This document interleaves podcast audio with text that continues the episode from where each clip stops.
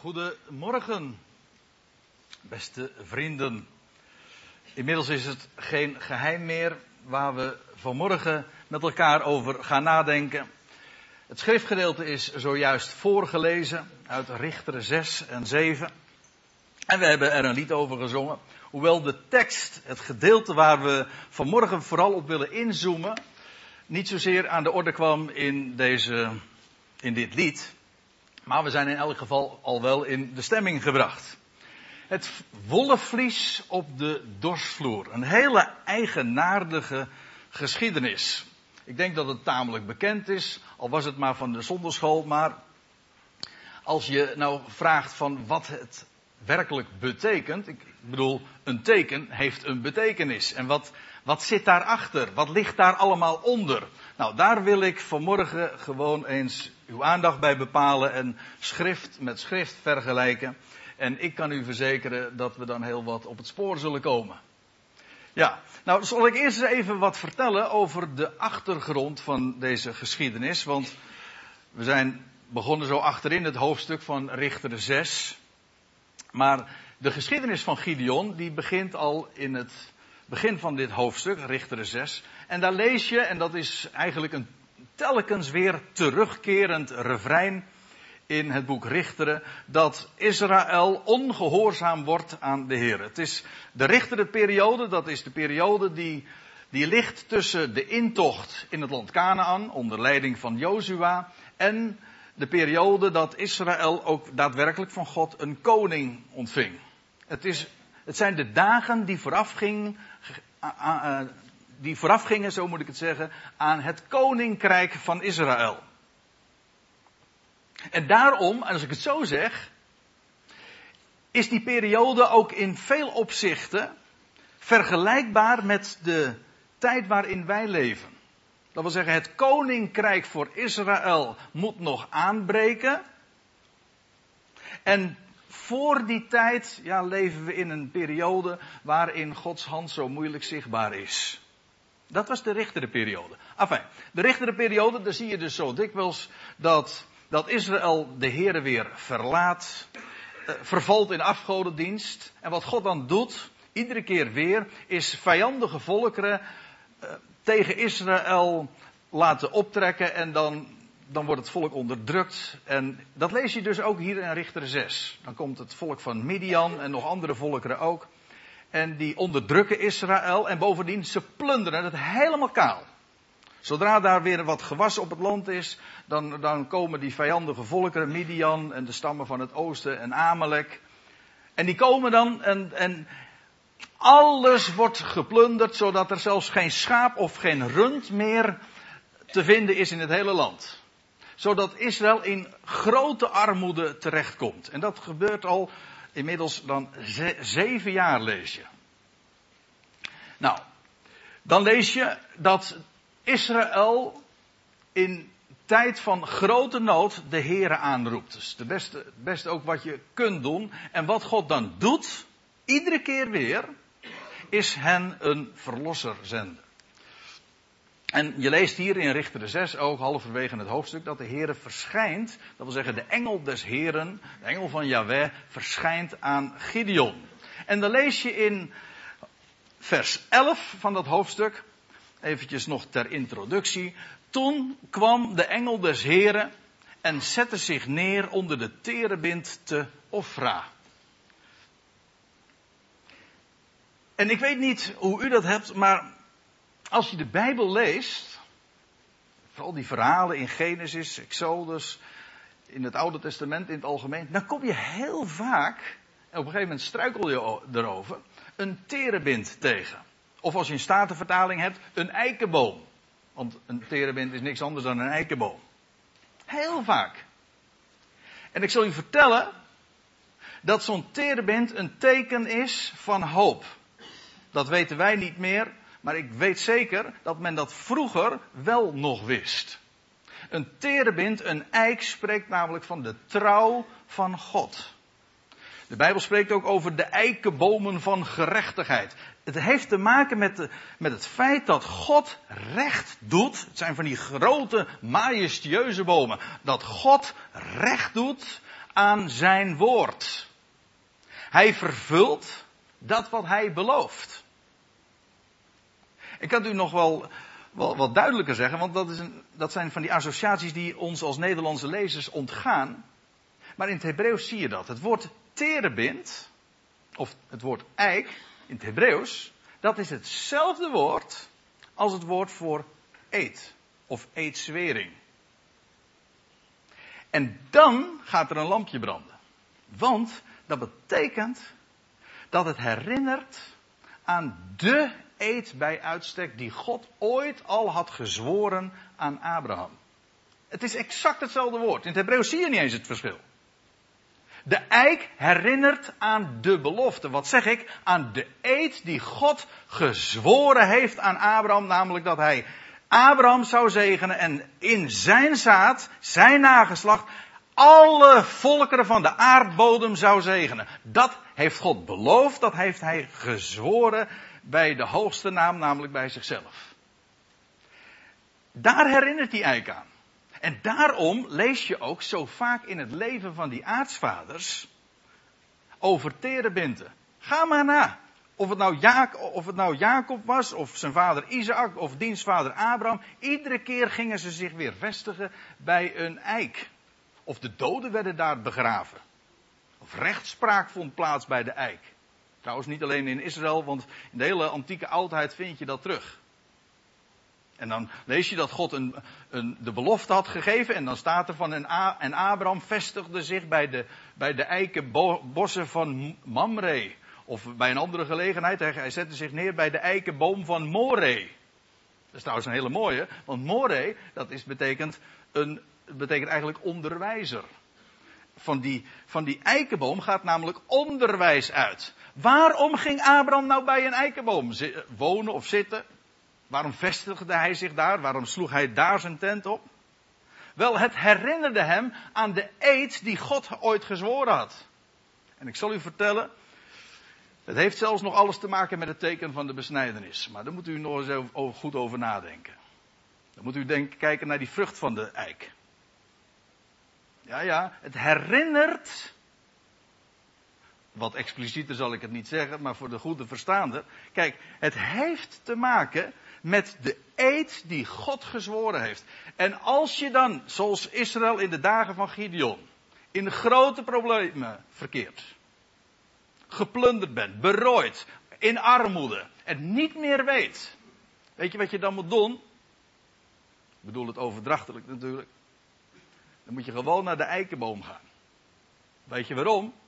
Omdat daar je daar herinnerd wordt aan de trouw van God. Daar word je onderwezen. Daar wordt je verteld waar hoop is. Daar gaat het niet om wat God van jou verwacht. Dat, dat is niet zoveel hoor. Ja, of het moet een heleboel ongein zijn. Dat verwacht hij van ons. Weet je wat er in de Bijbel staat? De mens. Nee, God waarachtig. Zo vat Paulus dat heel kort en bondig samen. God waarachtig en elk mens leugenachtig. Dat verwacht hij van ons. Nee, die eikenboom die spreekt van wat een mens van God kan verwachten. En dat is altijd meer dan je denkt. Zelfs al verwacht je daar heel veel van, dan is het nog meer. De trouw van God, dat is solide, dat staat. Afijn, die engel des Heren die verschijnt dus, die zet zich daar neer onder de terebind van Ofra. En de engel des Heren verscheen dan aan Gideon en zei tot hem, de Heere is met jou, jij dappere held. Nou, dan lees je dat Gideon daar eh, gaat sputteren, gaat tegensputteren, want hij zegt van ja, als de Heer nou met ons is, waarom dan deze hele situatie? Maar Gideon, ja, u moet die, dat hele hoofdstuk nog maar eens een keertje lezen als u thuis komt, want het is nogal lang. En het is een hele merkwaardige ontmoeting tussen die engel des Heren en Gideon, dat gesprek en dat offer wat dan vervolgens plaatsvindt. En dan lees je nog weer even verder, want ik, ik, ik ga gewoon stapsgewijs even door dat hoofdstuk om uiteindelijk bij die geschiedenis aan te komen natuurlijk. Dan staat er in vers 12, de engel des Heren verscheen hem. Nee, nou ben ik, lees ik het verkeerd voor. In vers 14 dan. Toen wendde de Heere zich tot hem. En hij zei, ga heen in deze uw kracht en verlos Israël uit de greep van Midian. Ik zend u immers. Dat zou voor Gideon genoeg zijn om te weten dat God hem inderdaad zou bijstaan en zou vervullen wat hij had beloofd. En daar had hij helemaal geen.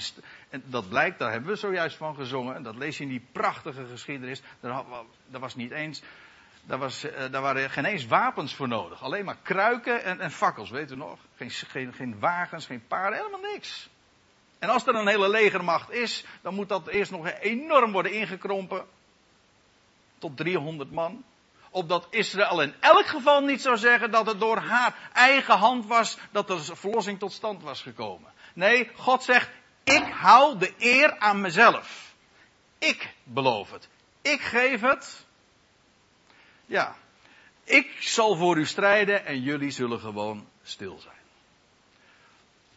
Goed, Gideon die wordt dus gestuurd. En dan, dan, dan komen we uiteindelijk bij die geschiedenis. Inmiddels heeft uh, Gideon, de, de, geest des Heren, lees je, uh, heeft hem aangegrepen en onder leiding van, van Gideon gaat, uh, gaat een hele me mensenmenigte, mannen, strijdbare mannen gaan naar de vlakte van Israël, waar, waar Midian met, met die vijandige volkeren was verzameld. Trouwens, Israël, dat is dat, dat, is de, dat gebied in het noorden van Israël, die vlakte, bij Megiddo, bij de berg Megiddo, bij.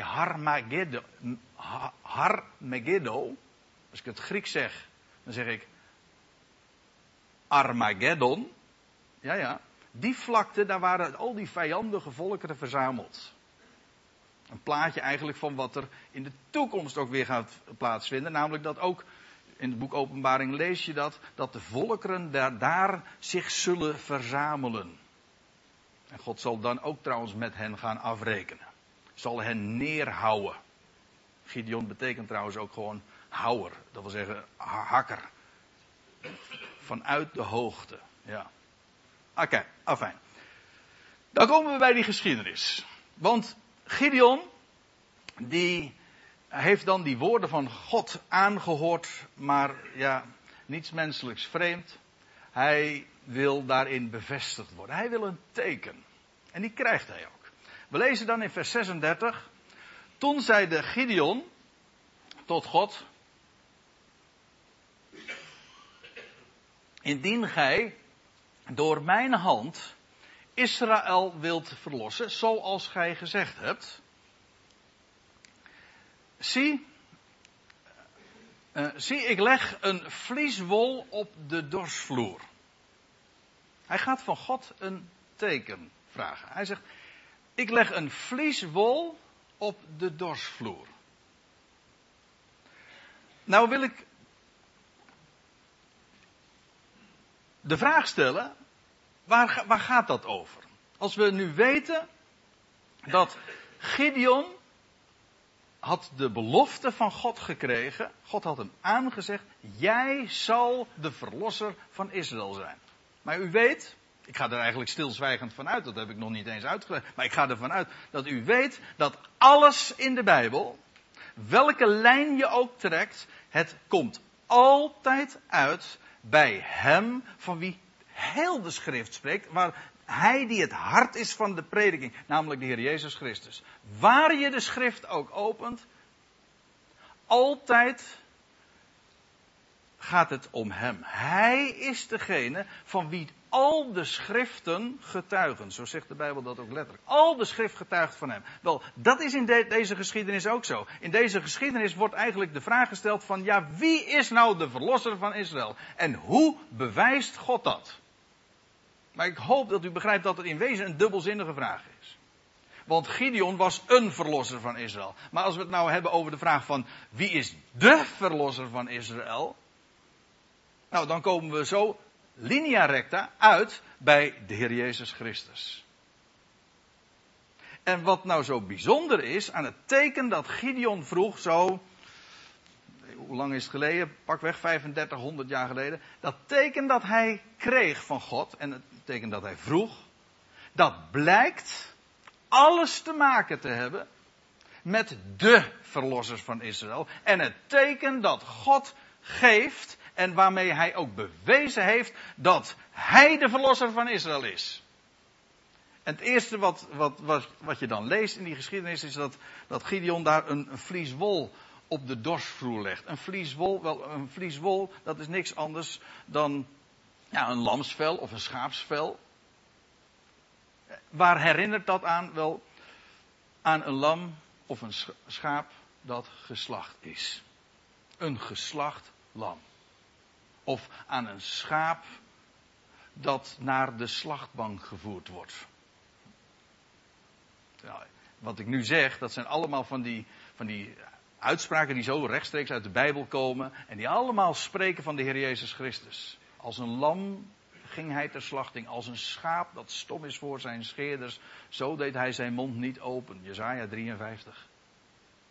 Wel, Gideon zegt, ik leg een lamsvel, iets wat, dus, iets wat nog overgebleven is van een lam of van een schaap dat geslacht is. Ik leg zo'n vel, leg ik op de dorsvloer. Nou, zo'n dorsvloer, wat is een dorsvloer? Vind je ook heel vaak in de Bijbel.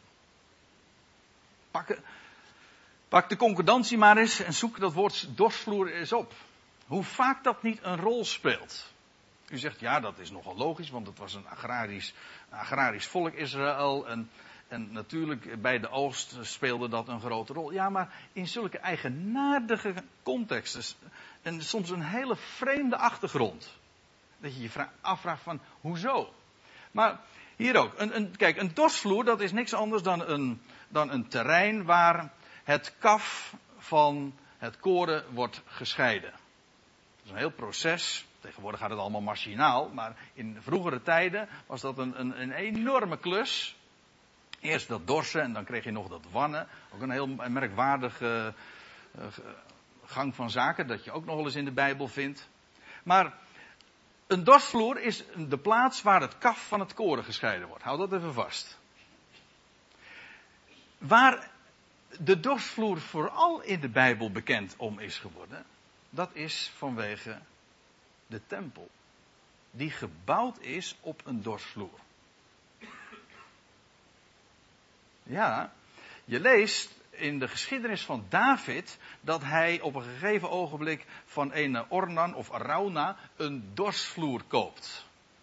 En dat was allemaal ter voorbereiding, want later is het zijn zoon Salomo, de zoon van David, die daar op de dorsvloer, op die voormalige dorsvloer, de tempel bouwt. In 2 Kronieken 3 vers 1 lees je dat zo letterlijk ook.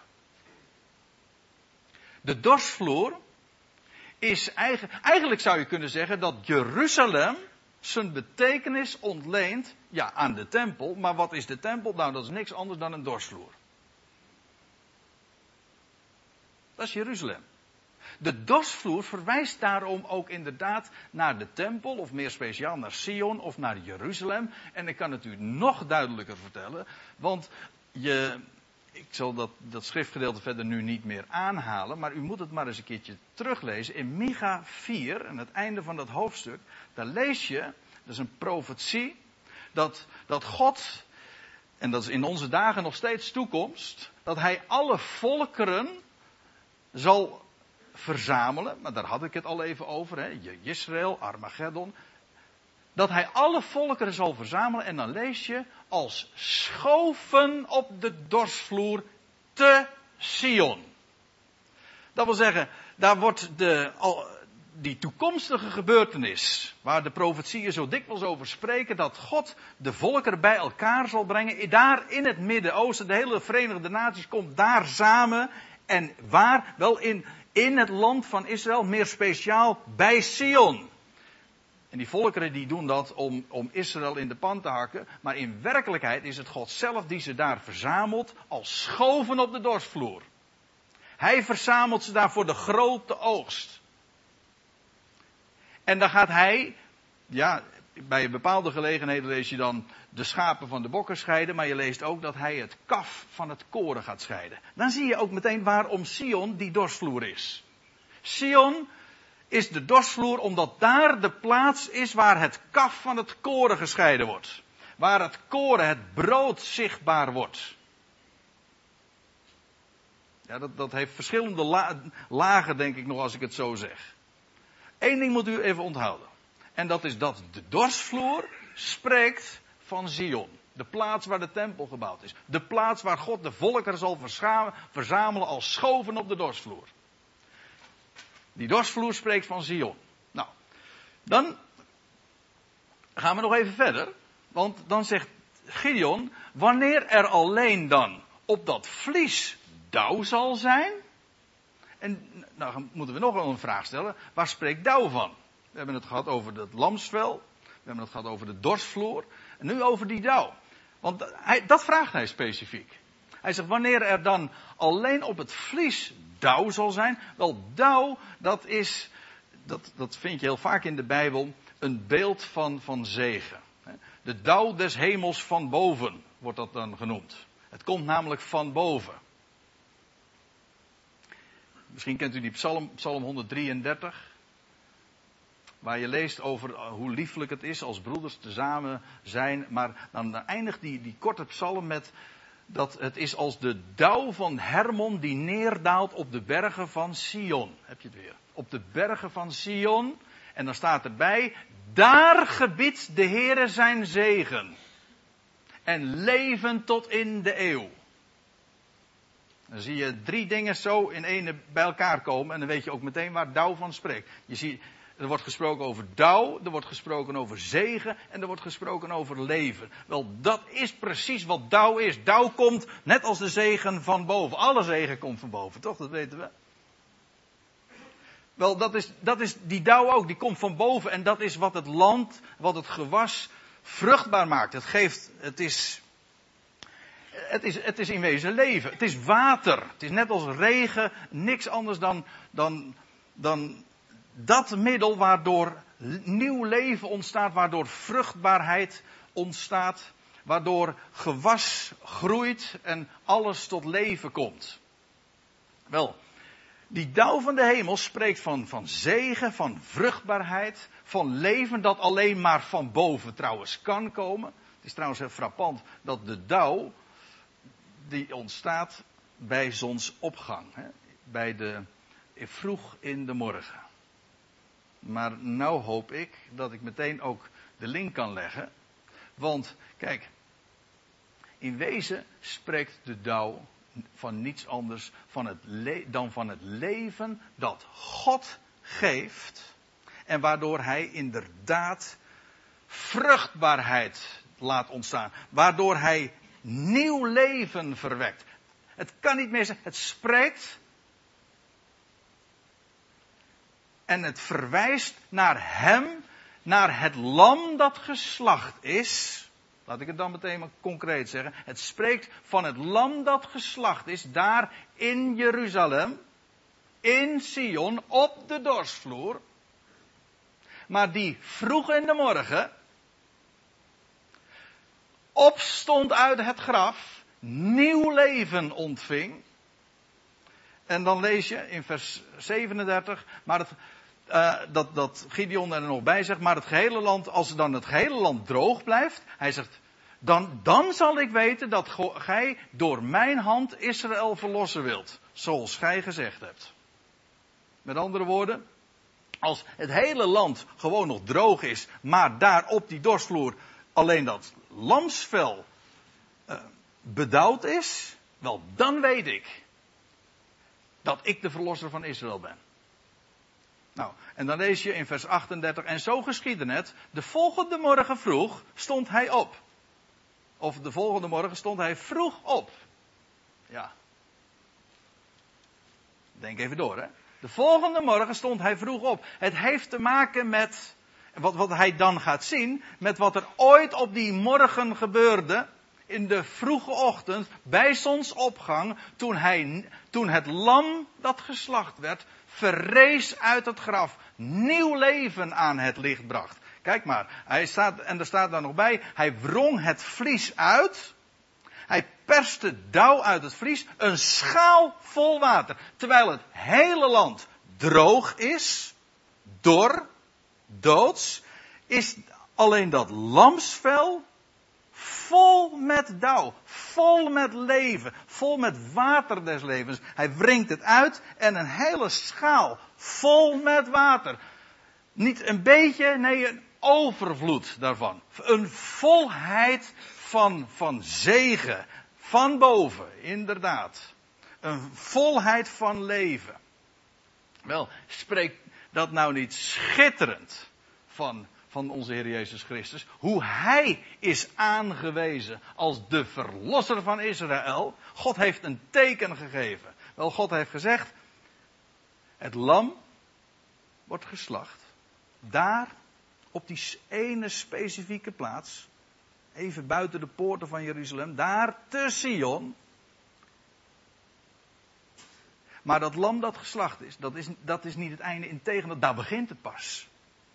Want ik geef dat lam dat geslacht is, laat ik verrijzen uit de dood. Hij ontvangt leven van boven, dauw van boven, van de hemel.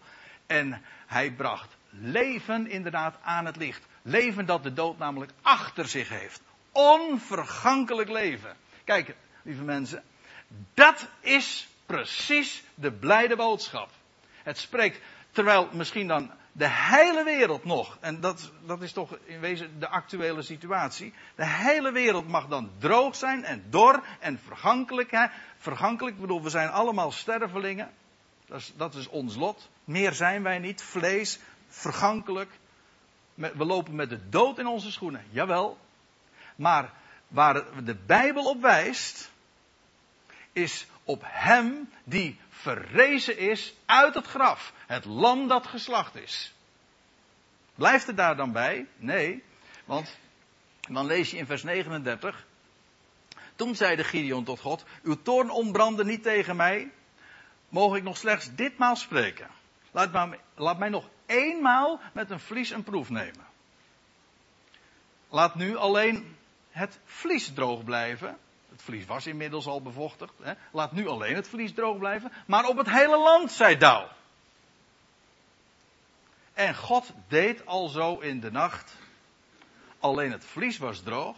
Het vlies wat al bevochtigd was. Dat was nu.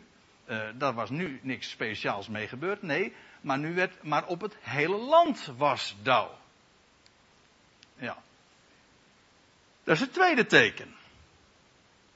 Dat God gaf aan Gideon ter bevestiging dat hij de verlosser van Israël zou zijn.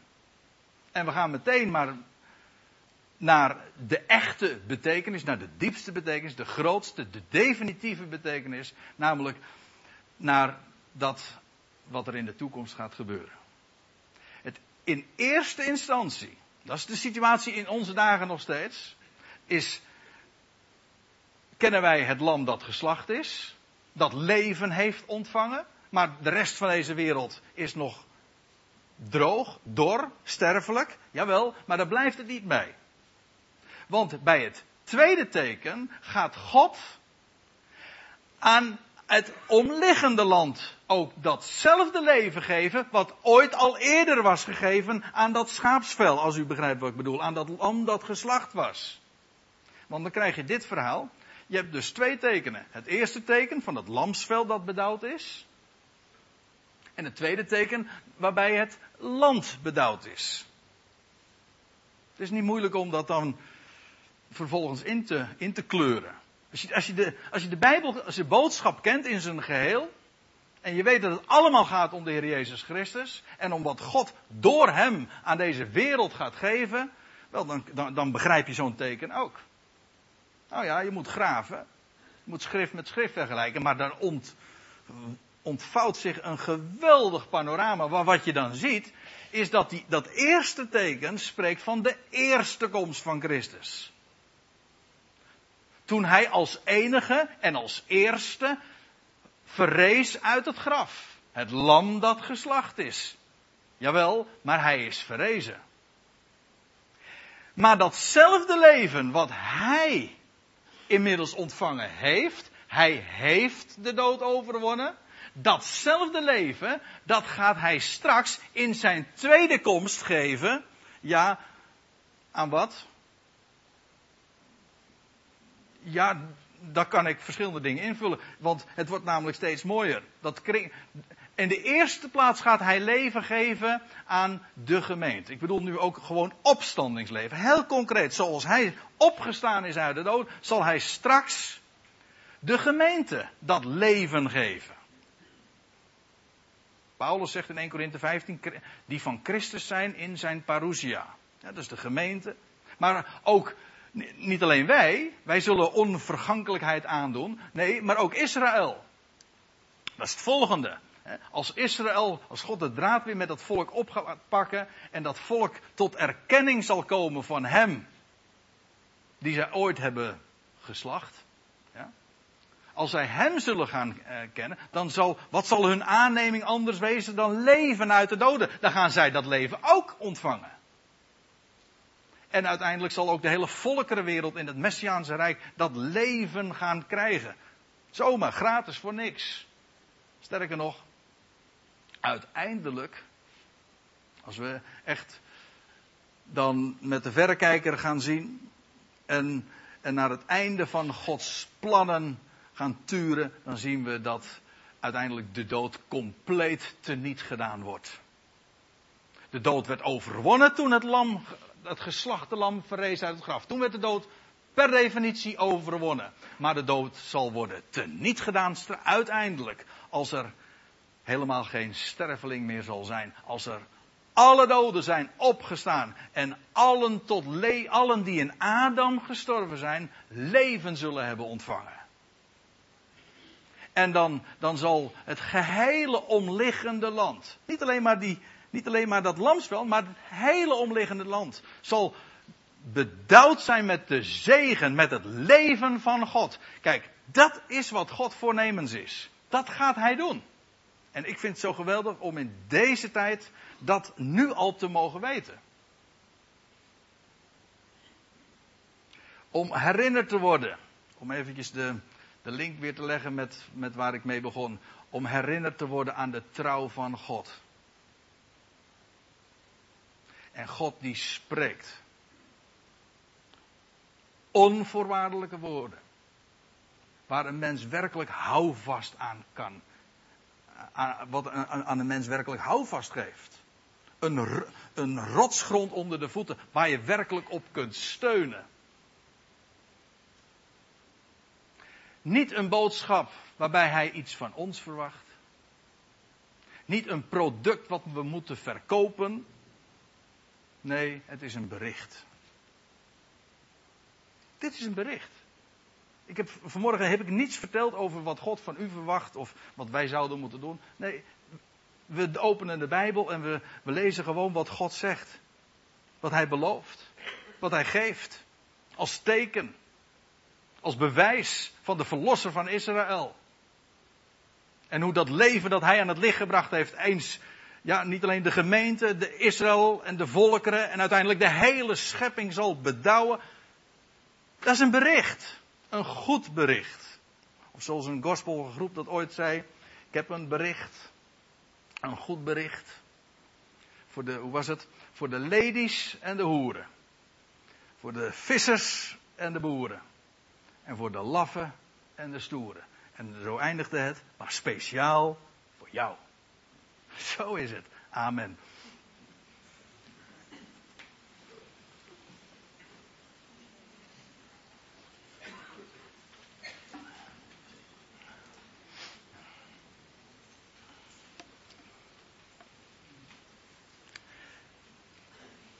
We gaan een lied zingen. Over de opstanding. We hebben het gehad over het lamsvel op de dorsvloer, dat bedouwd werd. En we gaan nu een lied zingen over de opstanding. Daar juicht een toon, daar klinkt een stem, daar op de dorsvloer. Die galmt door gans Jeruzalem. Die, die, die gaat daar inderdaad galmen in de nabije toekomst. Als zij dat leven zullen gaan ontdekken. Een heerlijk morgenlicht breekt aan. Bij zonsopgang, weet u wel. Die dauw. Een heerlijk morgenlicht breekt aan. De zoon van God is opgestaan.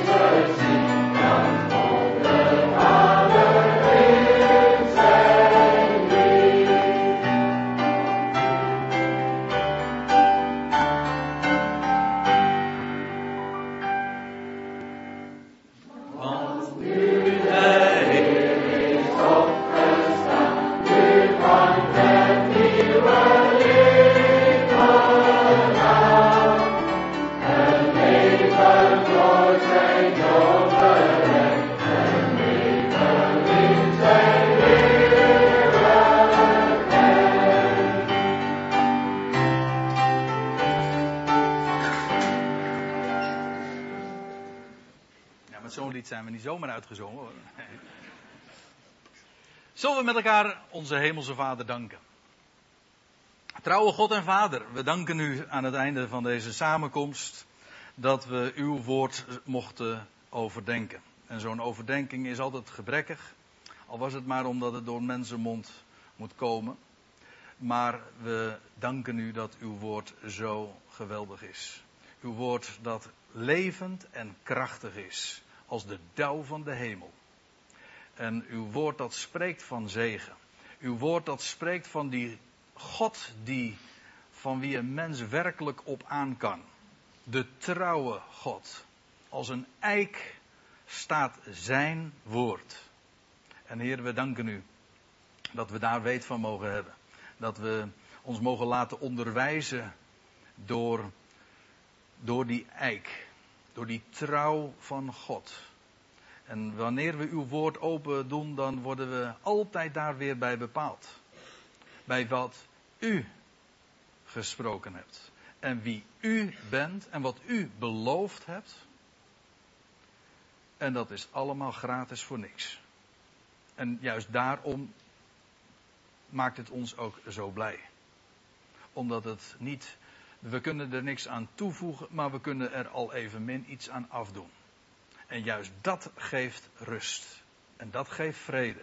En blijdschap. En hoop. En al die dingen waar zo'n enorm gebrek aan is in deze wereld. En we prijzen onszelf gelukkig, Heer, dat we zo ons mogen laten eh, onderrichten door uw woord. Stil mogen gaan zitten en ons bezig houden met wat u gesproken hebt. En dat we altijd weer in, in die Bijbel, waar we ook opslaan, welke bladzijde we ook openen, altijd weer bepaald worden bij Hem die geslacht is. Die stierf, die zijn leven gaf tot een losprijs voor allen, voor deze hele wereld. Wie we ook zijn, wat onze achtergrond ook is. En dat Hij die stierf. Verrees uit het graf. Jezus Christus, de gestorvene, wat meer is, de opgewekte, die leven aan het licht bracht. En hier, daar, worden, daar, zingen, daar kunnen we inderdaad niet genoeg van zingen. En daar, dit is namelijk een leven wat geen eind kent. Het is letterlijk en figuurlijk een eindeloos leven. Leven dat de dood achter zich heeft. En Heer, we danken u dat, dat wij daar nu al weet van mogen hebben. Dat wij nu al in dat nieuwe leven ook mogen wandelen. Maar vooral ook dat we uit mogen zien naar, dat, naar die tweede komst. Dat dat ook de rest van deze wereld, van de schepping daarin gaat, gaat delen. In fases, in. Niet allemaal tegelijk, maar Heer, we danken u dat die kring steeds wijder wordt tot het niet meer wijder kan, omdat dan allen eenmaal zullen delen in die geweldige zegen die alleen u kunt geven. De dauw van de hemel van boven. Heer, we danken u dat we zo daarbij bepaald mochten worden deze morgen. En dat dat ook weer meer dan genoeg is om ook de week in te gaan. Om daaruit te leven, om daarvan te spreken. Want er zijn er zoveel die snakken naar werkelijk een woord dat solide is. Heer, we danken u zo voor alles wat u vanmorgen aan ons hebt gegeven. En dat uw woord licht geeft in ons hart. En dat we daar nooit te veel van kunnen verwachten. Zo bevelen we ons bij u aan. En we danken u dat we voor uw rekening zijn. Amen.